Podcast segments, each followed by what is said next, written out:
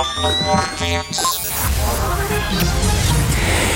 Pirmā ziņa digitālajās brokastīs no Rīgas ostas eh, spilves pļavās, veidošot lielāko saules paneļu parku Latvijā - 176 hektāru platībā ar nominālo jaudu vismaz 100 megawati, kas atbilst vidēji lielas Latvijas pilsētas elektroenerģijas patēriņam viena gada laikā.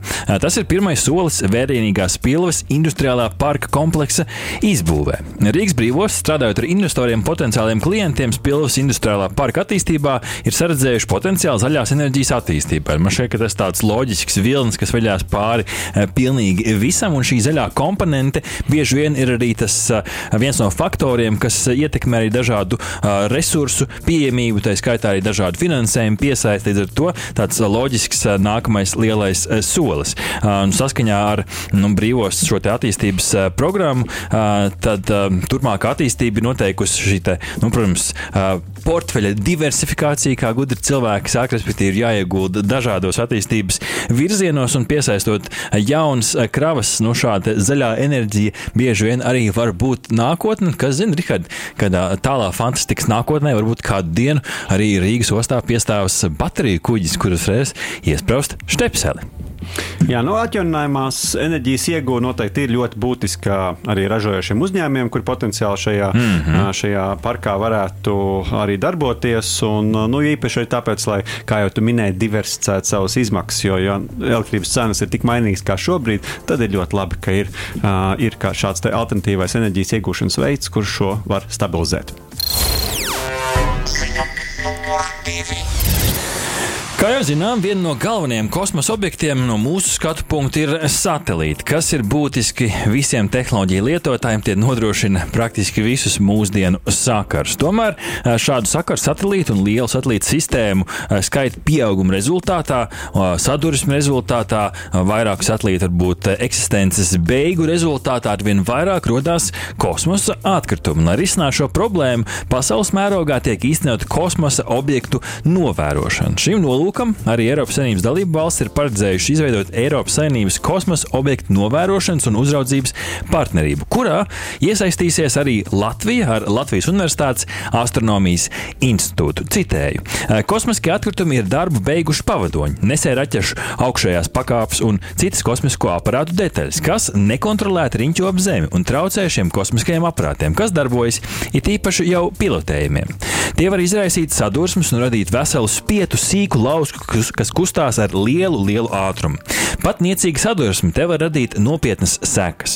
Šādu objektu debesīs ir ļoti daudz, tāpēc tos nepieciešams katoliģizēt un novērot, lai mazinātu sadursmu risku un veidotu prognozes, kad un kur tie ies Zemes atmosfērā un sadegs vai sliktākajā gadījumā nokritīs. Un šo mums stāsta Latvijas Universitātes astronomijas institūta direktors Kalvis Salmiņš.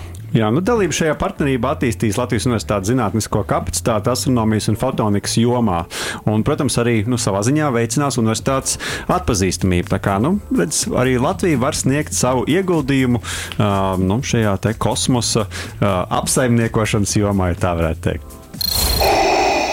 Ziņa numur trīs. Augustā turpinājuši kāpt kiberuzbrukumu uh, skaits Latvijā. Tā skaitā arī pakalpojumu atteicis, jeb kā mēs tagad zinām, šo sauc par DDoS uzbrukumiem uh, pēc tehnoloģiju uzņēmuma TET ievāktajiem datiem.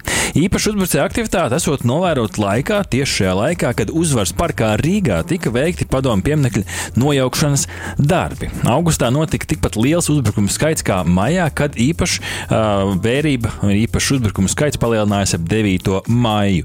Uh, esot uh, kopumā pieaudzis četras reizes salīdzinot ar gada sākumu. Uh, un uh, šeit ir, nu, protams, vairāk šie te, Krievijas, kā sauc, kiberhuligānu uzbrukumi dažādiem, dažādiem arī uzsaukumiem, telegram lietotņu un citos, varbūt tādos mazāk kontrolētos saziņas kanālos tieši veikt uzbrukumus Latvijas valsts iestādēm, banku sektoru, telekomunikāciju un enerģētikas uzņēmumiem, kā šo stāsta TET IT drošības pārvaldnieks Uldis Lībietis. Nu, būtiski gan traucēt kādas iestādes darbu, tiem nav vēl izdevies. Um, bīstam joprojām gan esot pikčerēšanas gadījumi, jeb šo um, viltus vēstules, kur tev liek uzkšanāt uz kāda uh, konkrēta, uh, konkrēta saites un, piemēram, ievadīt savus datus. Nu, šeit uh, par uh, to um, varbūt uzticamības simbolu esat izmantot tieši Latvijas pasts. It kā pasts tev ir atsūtījis kādu ziņu, kur tev jādod savi dati. Nu, šo gan labāk neuzķerieties. Jā, nu, Dēdas uzbrukumi nav nekas jauns, un uh, arī iepriekš Baltijas valstīs, uh, kad tiek nojaukti šie padomju uh, pieminekļi, jau šādi uzbrukumi ir bijuši gan Igaunijā, gan Lietuvā, arī tādi piemēri. Bet, jā, citējot, te pārstāvi noteikti atgādinām, ka saņemot jebkuru e-pastu, vispirms ir jāpievērš uzmanība sūtītājiem un, un arī sūtītājiem un saturam. Nekādā gadījumā nevariet vaļā aizdomīgas saites, mm -hmm. īpaši, ja tajās tiek prasīts ievadīt bankas un citas personīgus datus. Vērts atcerēties arī par sarežģītu paroļu izveidi un to regulāru nomaiņu ierīcēs, lietotnēs un lietotāju kontos. Ziņa numur 4. Pāris jaunumu video spēļu pasaulē no Sony, Nintendo un EA, jeb Electronic Arts. Notika divi pasākumi gan arī vienlaicīgi. Sony viens no prezentāciju pasākumiem State of Play, kur tiek prezentēti dažādi jaunumi tieši šīs platformas cienītājiem. Viens no, tam, no, viens no jaunumiem šeit, vismaz jauns reklāmas rullītis, bija Action Adventure spēlē God of War Ragnarok, kas iznāks jau aptuveni pēc diviem mēnešiem, kur jaunais klips iezīmē gan jaunus uh, mistiskās pasaules uh, aspektus, gan ieskicēja sīkāk šo spēles stāstu. Šī spēle būs pieejama tikai Playstation.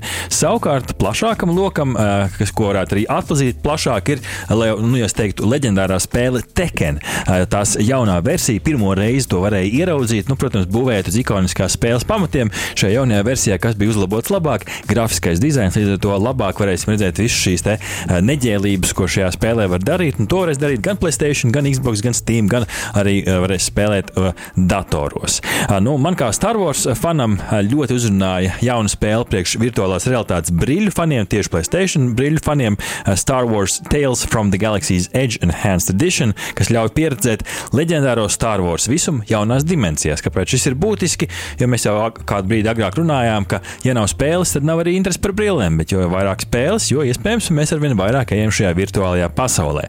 Kas interesants no, no Nintendo beidzot ir zināms The Legend of Zelda Breath of the Wild. Spēles nākamās sērijas, sauksim to tā, iznākšanas datums 23. gada 12. maija, ja tiešām prognozes piepildīsies, iznāks Tears of the Kingdom spēles turpinājums, kas, protams, būvēs pamatspēles pamatiem, bet joprojām saka, sa, saglabā šo te oriģinālās spēles vizuālo un izpildījumu šarmu.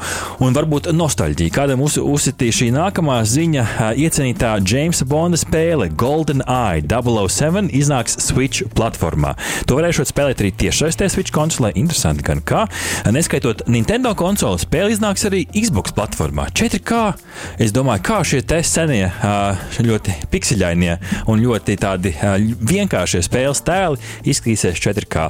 Būs interesanti ieraudzīt. Un visbeidzot, EA, jeb Electronic Arts, iznāca ar paziņojumu, ka līdz ar FIFA 23 un nākamajām spēlēm tā ieviesīs arvien dziļāku antikrāpšanās, jeb čītošanas sistēmu. Respektīvi, dziļākā datora līmenī tiks instalētas programmas, kuras mēģinās izcert krāpšanās programmas, kuras, starp citu, arī jau izmanto šādu metodi. Jeb tiek, šī programma tiek instalēta dziļākā datora kodolā, neskaidrojot sīkāk šīs detaļas. Šīs programmas izmanto tādu pieeju, līdz ar to arī šīs antikrāpšanās programmas arī izmanto līdzīgas metodes. Ziņa numur 5. Un visbeidzot, noslēdzošā ziņa digitālajās brokastīs par meta platformas pasauli, jeb Messenger un Instagram platformām. Konkrēti, Messenger uh, Rikārds kopēšot Discord funkcijas un sāks veidot kopienu čatus un saziņas platformas. Respektīvi, šobrīd mums jau ir kā ir grupu čati Messenger platformā, bet tas tiks izvērts vairāk, tā skaitā arī plašākām administratoru tiesībām. Un Instagram pusē, nu beidzot, beidzot varēsim savā ziņu lentā vienkārši dalīties tālāk ar kādu labu bildi, jeb repo repost funkciju. Nu, par šo tas gan vairāk šobrīd tādā, tādā testa, testa līmenī, bet pavisam drīz arī šī funkcija būs. Nu, lai jūs saprastu šo analoģiju, līdzīgi kā Twitterī jūs varat uz, uzspiest retweet, Facebookā jūs varat uzspiest share, nu, tad visticamāk, tuvākā vai tālākā nākotnē arī mēs Latvijā varēsim uzspiest repost Instagramā, lai dalītos tālāk ar skaistām bildēm. Jā, un izskatās, citu, ka papildus tam Instagram strādā pie tā, lai dotu iespēju ar ierakstiem dalīties arī citās platformās, nu, piemēram, Snapchat, Messenger vai WhatsApp. Aha! Paldies, ka noklausījāties mūsu līdz galam! Ja patika, uzspiediet like, atstājiet komentāru vai padalieties ar draugiem. Un nobaudiet arī citas epizodes, kā arī sekot mums, lai nepalaistu garām savu ikdienas tehnoloģiju ziņu devumu.